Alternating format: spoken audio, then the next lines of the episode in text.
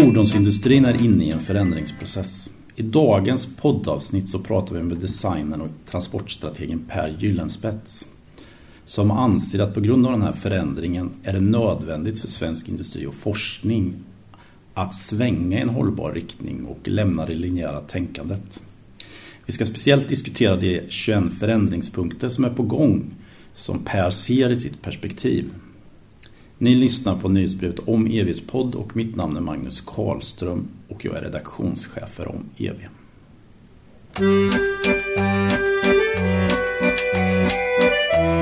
Per, kan du berätta lite vad du arbetar med? Jag eh, gör uppdrag eh, och är egenföretagare. Eh, det är ganska många olika sorts projekt. Vi träffade precis i receptionen nere Björn Södal som leder ett projekt kring Urban Water Trucks. Där jag är en del. Och det är uppstarten. Jättespännande. Det handlar om att flytta gods från eh, asfalt till vatten. Jag arbetar ibland med ledning av projekt. I forskningsprojekt senast, ett par stycken. Jag har egna initiativ som jag jobbar med. Eh, och en idé och ett förslag, ett projektförslag som handlar om att skapa aerodynamiksystem för, för långtradare. Reducera bränsleutgång och utsläpp på ett väldigt enkelt och billigt sätt. Det är inte igång än men jag hoppas det gör det snart. Men jag uppfattar det som att din bakgrund är ju att du har varit designer inom fordonsindustrin. Kan du berätta lite vad en designer gör för något? Ja, mycket. Mycket? Ja. Eh, jag tror att det, man ska karaktärisera designarbetet så är det att vara representant för användaren. Mm. Det är den viktigaste grejen. I varje fall i Sverige förstå användaren och representera användaren i projekt. Med tanke på att man i utbildningarna lär sig ganska brett om allt möjligt från produktionsteknik och marknad och allt vad det nu är som är lite utanför liksom den väldigt konkreta designsfären så, så blir man ofta helhetstänkare då. Och, och, och, det gör att man inte sällan när jag möter studenter som jag har haft det så hamnar de i, ganska ofta i någon sorts projektledande roller. Det kan man ju tycka är lite slöseri med kreativitet men, mm. men den kanske just behövs i miljöer där folk eh, är rätt så nischade på att göra vissa saker. Speciellt vad gäller konstruktion av bilar. Jag tänkte, alltså du har ju då jobbat, i, är bekant med att jobba i olika delar av världen och har jobbat i Sverige mycket då, men även andra delar. Vad, vad är det som utmärker liksom den svenska sättet att jobba med innovation då? För innovation ligger ju väldigt nära design och användar ja, utveckling utifrån användarens perspektiv. Ja, det där tycker jag är jättespännande att ja, försöka se med med en blick utifrån eh, på oss svenskar. Mm. Eh, fascinerande land egentligen. Och det är många andra som tycker det också. Visst är vi udda? ja, jag, tycker, jag tycker att det, ja, det, vi... Eh, det som jag tycker i jämförelse med andra kulturer så tycker jag att svenskar, eller den svenska miljön, utvecklingsmiljön och forskningsmiljön, där folk är nyfikna. Och, eh, och så är man öppna och gillar lagarbete. Och de här platta organisationerna vi har, de, de är ju typiskt ofta bra. Eh, sen finns det ju nackdelar med att organisera saker för mycket, men det kan vi komma in på lite senare i så fall. Ehm, men sen finns det lite sådana här eh, sköna grejer. Och det är att vi, vi gillar kaffe och så gillar vi att klaga. Ja, en magisk kombination. Ja. Eh, och sen så, vi har ju inte några tjusiga palmalléer att eh, och glida fram i en cab i här. Men vi har mörker. Bara en sån sak. Hålla oss inomhus och sitta och klura på ännu bättre lösningar. Mm. Ja, du har ju då får ju det här argumentet då i din text som vi skickar ut i nyhetsbrevet precis samtidigt som den här podden skickas ut eh, att, eh, att transportindustrin eller fordonsindustrin kanske tänker lite för mycket linjärt just nu. Kan du utveckla lite vad du menar med det? Mm. Ja, det, det, det är flera, flera nivåer i, den där, eh, i de där linjerna. Jag tror att förändringspunkterna som jag skissar upp de, summan utav dem säger oj, oj, här har vi att jobba. Och det är nya grejer som vi, vi behöver göra. Det är inte så mycket old school, eh, samma sak som vi har haft innan. Självklart så är ju basen för en lönsam bil och fordonsindustri det är att kunna ha kassa och göra pengar på det som, som, som man säljer idag. Så det är lite krux för, för, eh, för industrin att liksom klara av att göra både och. Ehm, men ehm, eh, som jag ser bilindustrin och upplevt den på nära håll det är att man är otroligt duktiga på att optimera saker.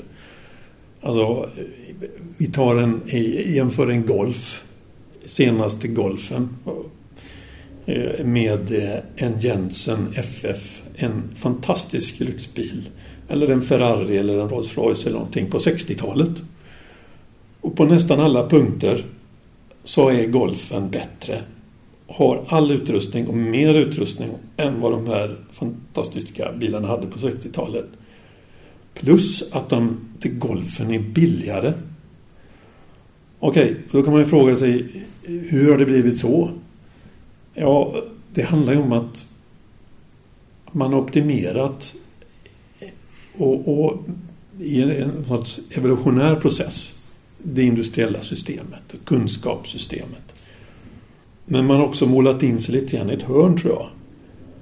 Ja, man är liksom fast i det här att eh, ja, men, och, om, om vi frågar eh, airconditioning eh, och klimatanläggningsleverantören om en ny klimatanläggning till eh, vår, våran bil här och så frågar de, ja, hur många vill ni ha? Ja, eh, fem miljoner ska vi göra.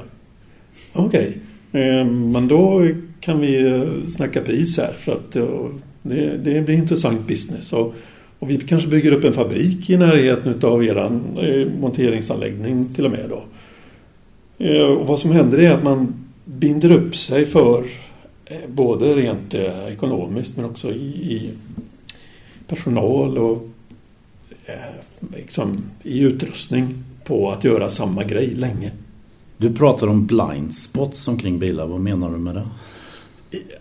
Det, det tycker jag är ganska fantastiskt. Alltså, samtidigt som man är otroligt duktiga på att optimera processerna i bilindustrin på molekylnivå så finns det vissa saker som inte finns.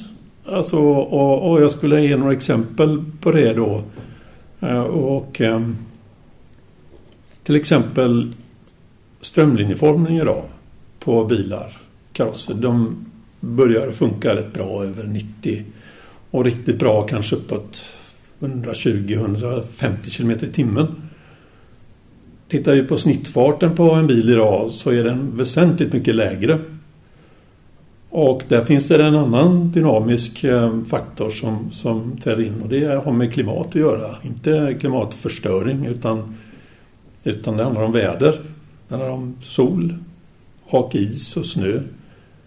Och eh, så då kan man fråga sig hur ska en, hur ska ett fordonskaross vara utformad idag? Och eh, jag har till exempel skissat på fordon som har en tvär framruta. Kanske till och med en negativ framruta för att få extra mycket skugga. Så det är en sån blind spot. En annan är ljud kring bilar. Det pratas inte om det här. Jag hör ingen prata om det. Det är märkligt. Och det handlar om... När man pratar om elbilar, ja de är väl tysta. Mm, jo, det är lite tystare är de, men, men däck är den största bullerkällan i städer idag och kring motorvägar och motorleder. Det är faktiskt ett otroligt starkt buller. Jag satt faktiskt på en busshållplats för ett tag sedan och då kommer det en, en jag kommer inte ihåg om det var Teslan eller Folkan som kom först men Folkan eh, gled förbi i 50 knyck och det hördes nästan ingenting. Inte ens eh, pluttrandet. Och Teslan det lät som en liten fors när den åkte förbi med, med de här jättebreda däcken. Så då däcken skapar ljud och sen inte minst vikten. Det vill säga att en Folka väger alltså runt 800 kilo. Det går tre Volkswagen-bubblor viktmässigt på en Tesla som väger drygt 2,2 ton. En, eh, ytterligare en eh, sån här blind spot. Det är frågan som jag har ställt mig. Det är hur kompatibel är egentligen en vanlig personbil med en barnfamilj? Och hur är det med en lastbil som har flaket på en meters höjd när föraren står med ett halvtons eh, en halvtons pall som ska ner från flaket och ner på gatan. Hur har man tänkt egentligen? Men det finns en lösning. Research Concept Vehicle på KTH, ITRL, Eh, har faktiskt visat lösningar på flera av de här områdena. De är jättespännande. Och nu är vi ju inne då i massor med förändringsprocesser i transportindustrin eller fordonsindustrin. Då, och som, som du arbetar är att du har ju sammanfattat förändringarna i 21 förändringspunkter. Kan du berätta lite vad, de, vad det är för något förändringspunkter? Hur du använder dem? Alltså syftet med förändringspunkterna det är att få en överblick för mig själv. Mm. Och också för andra, för kunder och för studenter. Och föreläsningar. De är offentliga som sagt. Och det tror jag, tanken är att det ska vara på något sätt tillgängligt för alla nivåer. Både för proffs och folk i politiken och tjänstemän som inte riktigt är insatta i alltihopa. Just för att ge en helhetsbild av det här är på gång. Som jag ser. Om man då tar de här förändringspunkterna, hur, hur arbetar du för att få fram dem? Liksom? Vad har du för metod? Liksom? Eller vad, processar du fram dem? Det är ju inte så lätt att hitta mönster här i världen. Ja, det kommer helhetstänket in igen. Ja. Ett ställe där du och jag ses, det är ju på konferenser. Ja, så är det ju. Eh, och de går man ibland på med ja, förhoppningen att det ska finnas guldkorn men ibland finns de inte där. Men det man kan konstatera är att det sägs saker mellan raderna. Och framförallt så sägs det saker, eh, det, kan man säga, det som inte sägs, det är det som kanske är intressant. Eh, och sen tror jag att eh, det handlar just det som inte sägs och det som är mellan raderna det handlar om elefanten i rummet. Och vilken är det då? Ja, men det är ju att många känner att det går inte tillräckligt fort att ställa om till eh, en mer hållbar eh, industri och mer hållbara produkter. Eh, ja, men man kan väl säga, som jag uppfattar dig så är du liksom du har ju jobbat länge med det här att vara designer och titta framåt så du kan, man kan nästan säga att du är, liksom är i framtiden när du hela tiden i ditt huvud. Kan man säga så eller hur, hur tänker du? Ja, faktiskt är det det folk säger till mig ibland. Ehm, och ehm, jag har jobbat med både design och teknikutveckling på lång sikt i nästan 35 år. och det gör ju att man får en viss vana liksom att både jämföra med ja, hur blev det sen och eh, vad hade jag för del av det? Vad kan jag själv ha för del av det och vad kan du Magnus och, och vad kan alla andra eh, känna att de spelar för roll i en förändringsprocess? Jag tror att många underskattar sin, sin egen potential när man har en bra idé eller har ett initiativ. Och man kanske nedslås av att eh, folk säger att det går inte. Eh, och då kan jag säga att jag, de gångerna jag har sagt att jo, det går visst, så har det faktiskt hänt saker. Och det har jag i mitt, liksom, det är min, mitt spår bakom mig i så att säga, mitt yrkesliv. Att jag, jag har lite förtroende för förmågan just att säga så här, ja vi ska nog göra så här nu och vi ska kunna tänka på det här viset. Men jag tänker, du har ju som sagt jobbat 35 år och du har tagit fram de här förändringspunkterna som du då kan använda som en mall för att, eller mall men någon sorts struktur och tänka om framtiden och vad förändringarna är på väg. Men jag, jag är lite nyfiken på om man överför det till andra människor. Då. Så jag vet att du jobbar bland annat med designstudenter lite grann och använder de här. Vad, vad, vi som är noviser på att kanske tänka på framtiden. Så liksom, vad, vad ger det dem att jobba med de här förändringspunkterna? Förra veckan hade jag ett gäng studenter och jag vet faktiskt inte riktigt konkret vad de tyckte men av både eh, applåder och, och, och rop så förstod jag att de tyckte det var väldigt intressant. Men jag tänker, du använder de här förändringspunkterna även när du håller på och jobbar i olika konceptprojekt då, som de här, vad, nu, vad heter det, Urban? Vad heter det projektet? Som Urban Water Truck. Ja, precis. Visst använder du den för liksom att tänka runt vad man skulle kunna göra för koncept? Och så? Ja, jag, vet inte vad jag är ute efter riktigt. Jag är bara nyfiken liksom jag förstår att det är en hjälp för dig liksom att ha de här förändringspunkterna. Alltså, men, men, men hur upplever du att andra förstår dem? Liksom? Det är det jag är ute efter. Mm, det är en bra fråga och jag tror att eh, jag behöver nog intressera mig mer för hur folk uppfattar de här och vad man vill diskutera som sagt, för mig som, som visionär så kan det bli lite självklart. Mm. Men det är ju inte säkert att det är det för, för alla. Det kan bli lite abstrakt liksom. Så att de gångerna som vi har kört workshops kring det här så blir det ju väldigt intressanta diskussioner. Mm. Och eh, en och annan säger till mig att det här är ju liksom kärnan i förändrings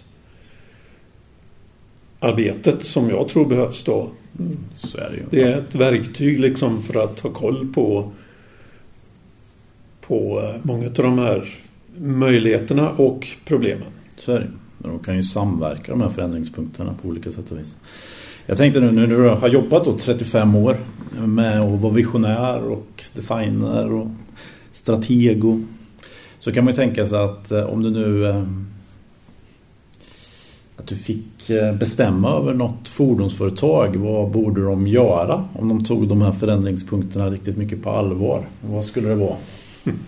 Ja, ja alltså... Grattis till positionen. Ja. Nej, men eh, alltså det finns många duktiga vd här, inte minst här i Sverige. Det är inte den rollen jag har. Jag förstår. Mitt jobb är att vara strateg, men jag skulle säga så här att om, om, om om jag skulle se några konkreta strategiska råd så skulle det vara att man eh, undvik svindyra omorganisationer. Det tror jag är den största och viktigaste grejen. Försök att räkna ut vad den sista omorganisationen kostade. Det kanske hamnar på en halv miljard eller en miljard. Jag vet inte. Mm. Ta en tiondel utav de pengarna och satsa istället på att utveckla riskprojekt. Experimentera mer med ny teknik. Mm. Släpp loss kreativiteten i företaget. Kaffe och klagomålen. Vad sa du? Kaffe och klagomålen. Ja, eh, och så eh, öppna en dörr in till en verkstad eller släpp loss eh, en viss del av arbetstiden som till exempel 3M gör ju så med, med sina anställda och det finns andra företag som har liknande policy.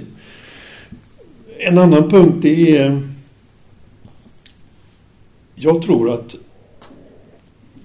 eftersom det är ganska riskabelt att finansiera eh, ny utveckling så tror jag att man skulle kunna säkra upp processen genom att involvera kunderna mer. Göra lite grann som ett och annat startupföretag gör och ett känt kaliforniskt elbilsföretag. Man frågar kunderna, gillar ni det här? Mm. Skulle du vilja lägga eh, en peng på att få en bil eh, om ett par år? Som är som den här. Mm. Ja visst. Tusentals eh, som satsar i varierande mängder pengar och tålmodigt väntar och så blir de entusiaster på tiden, på, under tiden. Och jag tror att många företag skulle kunna göra på ett liknande sätt både med sina tjänster och sina produkter. Mm. Vara helt öppna och säga att det här är skitsvårt för oss eh, och vi vill gärna veta vad ni tycker. Ni är inte experter på framtiden, det är vi som är det, men ni vet vad ni skulle vilja ha idag. Eh, vi på vårt företag, vi kan extrapolera in i framtiden. Och då skulle man kunna eh, få en tryggare process, eh, att kunna ta större risker om man på det här sättet involverar sina kunder.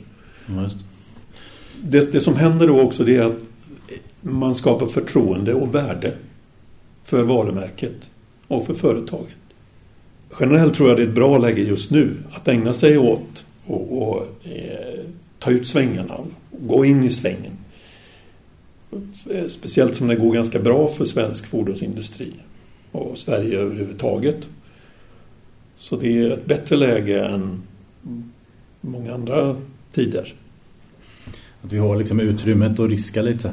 Jag, jag skulle vilja koppla lite. Nu tog vi perspektivet att du var vd för ett fordonsföretag men det var inte din roll då, men i alla fall. Eh, och det finns ju där, man, staten har ju en roll också i det här då, mm. eller, och eh, kanske staten och företagen och akademin ihop. Det är ju att vi har en hel del pengar inom transportforskning i Sverige. Eh, för att liksom utveckla, behålla och utveckla kompetens och industri och så här. Och om man då tar konsekvenserna av dina förändringspunkter, vad skulle de, vad skulle liksom, tycker du att man skulle göra en annan typ av forskningsprojekt och utvecklingsprojekt? Och i så fall vilka? Sverige tror jag är en veritabel guldgruva vad gäller eh, innovationskraft. Och som jag sa förut tror jag att så är det inte särskilt väl utnyttjat. Det skulle man ju kunna tro att, att det är eftersom vi ligger så högt upp i ranking i världen. Men eh, min upplevelse är att, att eh, det finns en jättepotential ute i, i landet på små industrier och enskilda innovatörer och på de stora företagen och i forskningen. Ja, och om man tillämpar mina, min checklista ehm, så, så skulle jag säga ja, eh, staten skulle kunna vända på sitt eh, innovationssystem. Ehm, och eh, vad betyder det då? Jo, istället för att plåga folk med skitsvåra ansökningar och en massa kriterier så skulle man gå ut och fråga folk. Eh, skulle du kunna lösa det här åt eh, staten? Eller vi har en industri här som behöver lösa ett problem. Du som är uppfinnare eller du som är initiativtagare eller ni på den här forskningsinstitutionen. Skulle ni kunna fixa det här? Mm. Vi kommer att hjälpa till med både finansiering men också med all administration. Jag har ju haft förmånen att koordinerat två stycken forskningsprojekt i triple helix projekt. Och eh, jag tycker att jag ser att det finns en jättestor potential men samtidigt eh, en eh, ja, säga, en yrvakenhet eller en ovana att jobba, att samverka. Vissa är bra på det och andra behöver liksom en metodik för att kunna jobba i samverkansprojekt. Ehm, sen tror jag också att flera svenska lärosäten har en ganska rigid struktur som kan vara hämmande ibland på olika initiativ.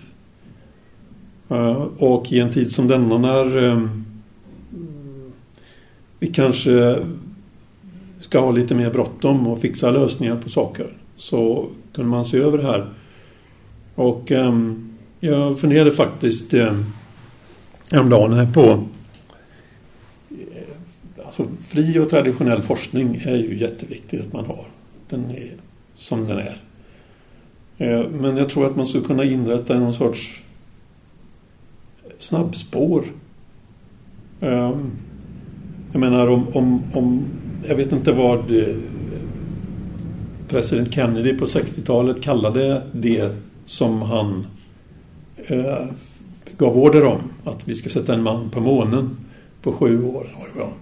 Jag vet inte vad de kallade det. Den typ av samarbetet mellan industrin och forskningen och NASA och vilka det var. Men, men eh, ja, det de gjorde då, det tror jag, det tankesättet, den, den idéerna. Det är klart som sjutton att vi ska lösa det här. Mm. Den attityden, den tror jag skulle inte bara vara väldigt fruktsam utan jag tror att väldigt många människor skulle i industrin skulle tycka det var roligt också. Och när det är kul då händer det saker med folk. Mm. Då kommer det fram bra idéer. Så det är viktigt med glädje och entusiasm. Så, så ja, någon sorts kompletterande Eh, struktur inom både forskningen och industrin. Där man har ett snabbspår. Där man kanske jobbar mera experimentellt. Eh, mera i det som bland annat kallas för Living Lab. Eh, och att man får lov att, att ta genvägar och chansa lite och hellre istället göra misstag och göra omtag. Jag tänkte förut så tog du upp den här frågan ur perspektivet fordonsföretagen att de kanske borde jobba närmare sina användare. Mm. När man gör forskningsprojekt så är det ju inte helt självklart att användarna heller får vara med förutom studieobjekt. Eh, men man skulle ju kunna tänka sig att även användargrupper skulle kunna få en större roll liksom att, eh, i de här tester av ny teknik och öka takten och liksom hitta mm. vad de egentligen gillar och så. Mm. Och de skulle också kunna vara med och finansiera. Jag, jag, eller jag vet inte om du tror på det men du får gärna svara ja, det mig. Jag, verkligen. jag tror att jag exempelvis skulle kunna tänka mig att lägga privata pengar och få vara med i liksom ett utvecklingsprojekt för att utveckla någon teknik som mm. jag tycker om liksom och mm. tror på. Mm. Som användare. Mm. Ja men det tror jag också Alltså crowdfunda fram forskning ja. utifrån användare. Om man får vara liksom den, typ den första mm. användaren av något mm. roligt. Liksom. Ja så länge inte man eh, hämmar den traditionella forskningen där där en doktorand kan hitta på ett ämne som han eller hon vill hålla på med. Mm. Som är som kan upplevas som va, ska du jobba med det här? Det måste fortsätta. Ja, för vi vet aldrig vad den här personen kommer fram till. Nej, så, så, länge inte man rör det Eh, så är jag helt med på att vi skulle kunna hitta på flera olika eh, former för utveckling. När det eller just det här med användare så, så har jag ju som sagt eh, lett ett projekt som heter KTH Mobility Pool. Där vi tittade just på eh, och hade tre, fyra forskare som har eh, varit ute i fält och låtit folk prova små elfordon. Mm. Och det kallar de för Living Lab då. Mm. Och där har man lärt sig väldigt mycket liksom in action. Um, sen tar det ju ganska mycket tid att analysera all den här datan då. Och eh, om jag vill dra en egen slutsats från det. Nu är inte jag forskare men jag, jag ser verkligen att ganska snart kan man se resultat. Kanske skulle man då få lov att dra ut eh, några highlights ur preliminära highlights ur forskningsprojekt innan man kör de slutliga presentationerna utav forskningen. Mm. Så det här ser ut att vara eh, sanningar. Nu kör vi ut och testar dem redan nu. Mm. Med brasklappen att vi kanske har fel. Just. Eh, och istället kan man då iterera tillbaks ännu mera data in i forskningen. På så sätt. För att man, man får ännu mera händelser i fältet. Men som sagt, jag, är inte, jag kan inte forskningsteori och, och det kanske faktiskt inte är det det handlar om här utan det handlar om någon sorts mellan eh, mellanläge mellan konventionell produktutveckling och innovation och forskning. Eh, jag skulle vara väldigt intressant om, om flera andra eh, pitchade idéer på hur vi ska göra. För att som det fungerar idag så tycker jag faktiskt att vissa, i vissa sammanhang så går det alldeles för långsamt. Så är det ju. Det är ju du pratade om den fina elefanten förut. Då. Det, är ju, det vore ju okej okay om vi inte hade bråttom. Men vi har ju lite för bråttom då med att göra systemet hållbart. För att kanske att det tar så lång tid med vissa forskningscykler liksom. Möjligtvis. Ja. Nej men det, det jag tycker ju faktiskt att det är rätt spännande med att ha bråttom. Mm. På, på den här studentövningen som jag hade i häromveckan så, så gav jag vi hade en, en mockup, fullskalig mockup på en autonom buss utan tak och inredning. Så delade jag upp gänget i två, grupp, två grupper. Och så sa jag till dem att ni får en minut på er att göra ett inredningsförslag. Då har ni en barnvagn och eh, en cykel med Och ni är sex passagerare. Gör nu ett inredningsförslag. Här får ni stolar, här är ytan. Mm. Och de tittar på mig. Va? Yes, en minut. Och det blev jättebra. Mm. Det gick faktiskt att lösa ett sånt ganska svårt problem liksom, på extremt kort tid. Sen kommer den andra gruppen och säger okej okay, nu ska ni göra det bättre än vad den första gruppen gjorde. Och det var jättekul att se uh, hur, hur, uh, hur man faktiskt kan när man man ska inte ta bort liksom data och, och liksom hela den här biten med att ta reda på noggrant. Det är jag verkligen en av dem som förespråkar mycket. Men att kombinera det med snabba övningar på saker, det kan vara jättesvåra problem. Som det här till exempel. Ja, det låter otroligt häftigt. Jag, jag tänkte har du några som du liksom, företag eller städer eller länder som du liksom känner att man blir liksom lite inspirerad av att de har hittat eh, liksom samma trender som du och som jobbar på rätt sätt just i vår tid? Liksom? Min spontana känsla, utan att vara på något sätt expert på det där, det är att många städer runt om i världen gör varsin grej som de är bra på. Men det är få som gör allting. Så om man kunde ta det bästa från Stockholm och det bästa från Vancouver och det bästa från Singapore och det bästa med Göteborg så, så går det väldigt bra. Men mm. var och en stad har ju sitt problem så att säga och sin ryggsäck att ta itu med. Vare sig det är politiskt eller praktiskt. Som här i Göteborg så är ju en stor del av stan är asfalterad. Eller också bygger man. Det är ganska galet. Det bor väldigt få människor i, alltså per ytenhet i Göteborg. Men eh, här är man duktiga på mycket. På en konferens eh, för drygt ett år sedan så träffade jag tre kineser eh, som var representanter från något område i Kina. Jag minns faktiskt inte vilket. Eh, och de fick frågan hur snart tror ni att delade och autonoma fordon kör på era gator? Och det är intressant för att frågan hade gått till en representant från bilindustrin alldeles innan. Och eh, han menade att det skulle dröja en 20-30 år. Och så fick den här kinesiska gruppen frågan och då sa de så här. Eh, ett år. Och så rättade den andra så nej, nej, nej. Två år. Ja, kanske tre år. En sån radikal skillnad. Och så frågade jag, men hur kan det vara sån skillnad mellan synsätten här nu då? Ja, sa de. Eh, vi måste göra det. Vi har inget val. Vi kan inte ha eh, så mycket bilar i våra nybyggda städer. Eh, så vi måste hitta på alternativ. Um, så det, jag tror faktiskt att det intressantaste just nu det händer förmodligen i Kina. där kan man då, i många av de här nybyggda städerna, eh, tillämpa det här helhetstänket. Jag tänkte, nu pratar du om städer där då, men jag, finns det något företag som tycker så här, att det här företaget har fattat vad som är på gång? Liksom? Jag tycker faktiskt att, att eh, BMW eh, BMWs satsning på lättvikt är beundransvärd och den har säkert varit väldigt dyr. Eh, jag tycker deras BMW i3 den, den är skön.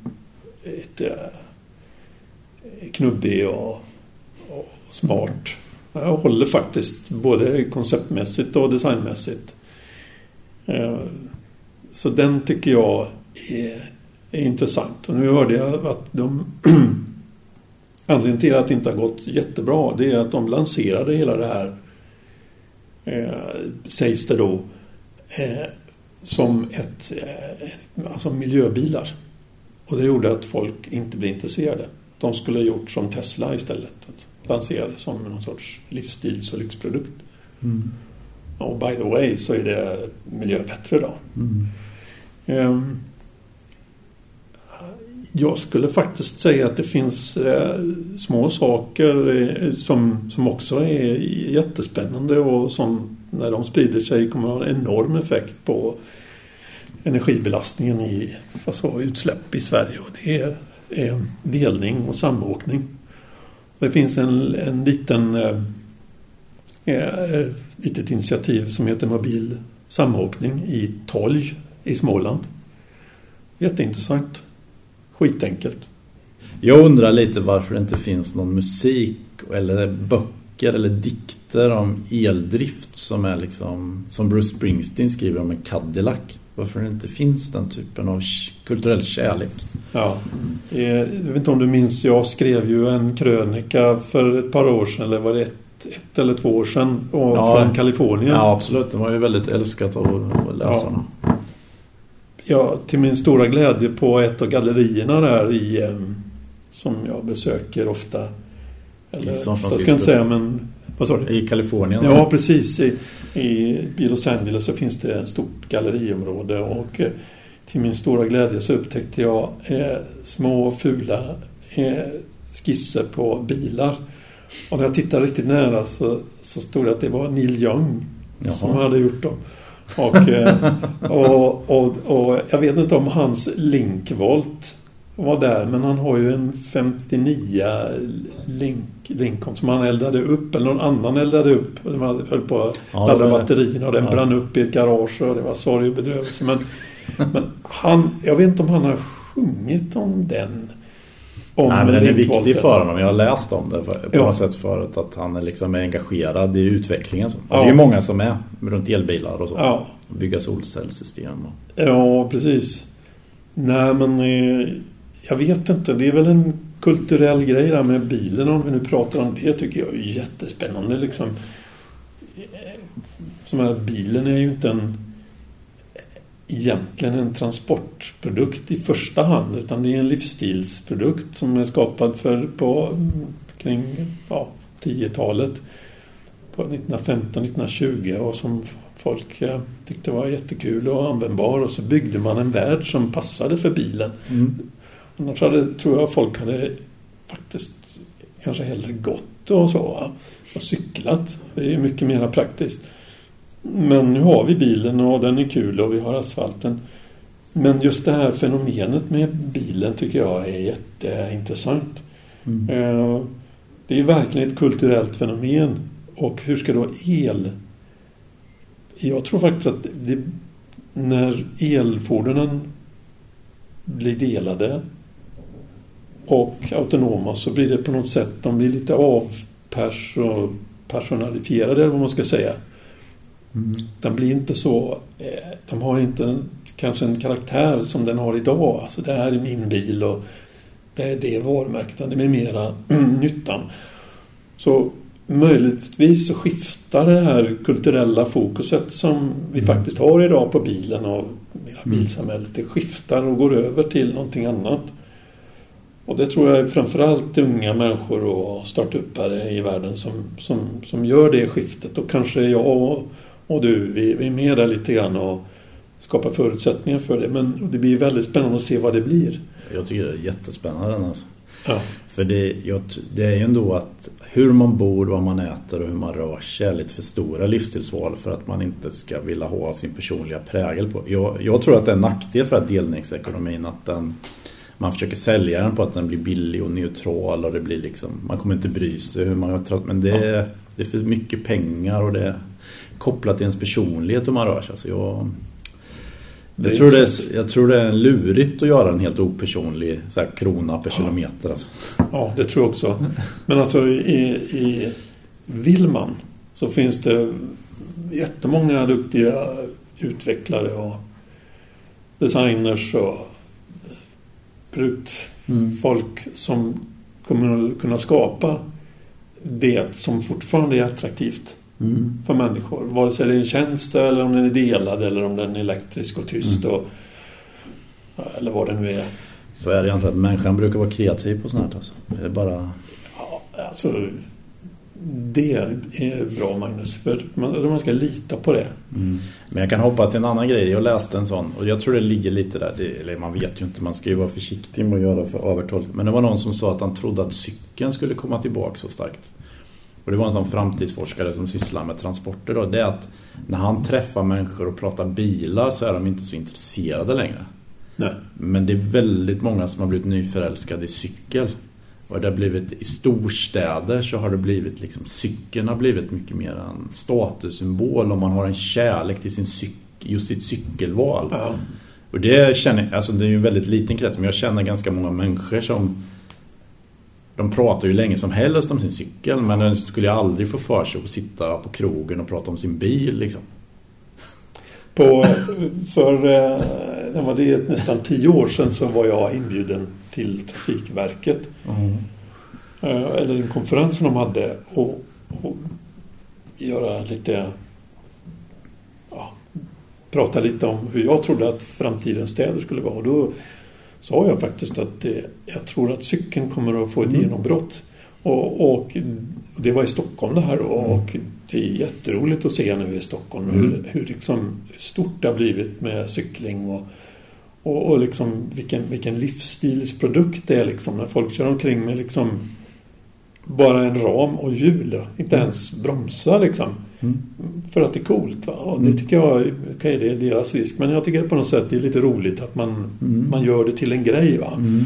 Ja, jag kan berätta en annan spännande sak och det är eh, i, jag gjorde ett snabbstopp i eh, Detroit vid ett tillfälle ja, nyligen och ehm, och ehm, eh, det är ju jätteintressant för där började liksom bilismen och hela mm. det här med att bygga upp en stad som är gjord för bilister och garage och garageuppfarter och motorvägar och hela den här grejen och, och, ehm, och eh, nu är det lite på väg tillbaks igen liksom, med den här autonoma utvecklingen och så. Alltså Detroit som bilstad. Men men för 10-20 år sedan så imploderade hela stan liksom. Det var mm. folk drog. Ja. Och, och det intressanta är att går du till Detroit centrum där du kan hitta eh, massor med olika startups. Så bland annat så finns det eh, en, eh, en cykelfabrik som heter Shinola. Mm. För alla amerikaner så är det liksom som, som är intresserade av miljö och cykling och liksom det framtida. Och, så, så är det liksom en ikon. Mm. Och, och, den är en liten, liten fabrik som ligger mitt inne i Detroit. Ja, just det. inga, när det nästan är utflyktningsbyggd. Ja. Liksom. ja, och så att det liksom har imploderat och nu växer ut, mm. Eh, växer det någonting nytt där. Och, mm. Det tycker jag är väldigt spännande. Sen är ju faktiskt, eh, om jag har förstått det rätt, så är elcykeln alltså eh, det fordon som ökar mest i mm. Sverige. Ja, så är det. Det kommer ju bli jättestort. Det var svårt att se något annat. Liksom. För min del så tycker jag att det är, jag gillar att gå. Ja, jag är också... Gå är det finaste sättet att röra sig. Tycker jag. Ja, ska vi göra eh, att gå till någonting som är hippt? Mm. ja, det, inte mig emot, eller jag tycker fortfarande den älskar att gå. Det är fint. Nu har vi pratat lite brett och allmänt här på slutet. Är det något mer du tycker jag borde ha tagit upp här i frågorna? Nej, jag tror... tycker vi, vi, vi, vi slutar här.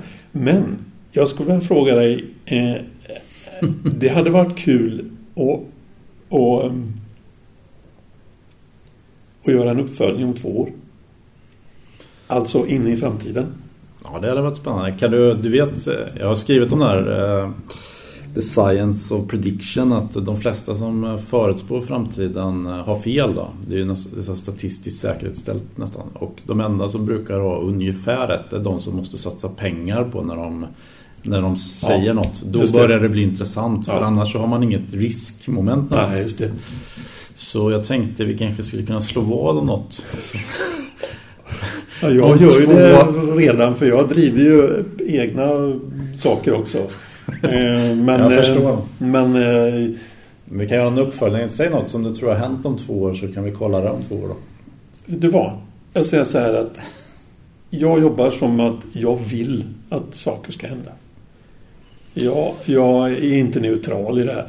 Nej. Jag tycker faktiskt att att eh, jag vill inte att framtida generationer ska betala för min komfort och min körglädje på asfalten. Det, det tycker inte jag är rimligt. Så jag tycker vi eh,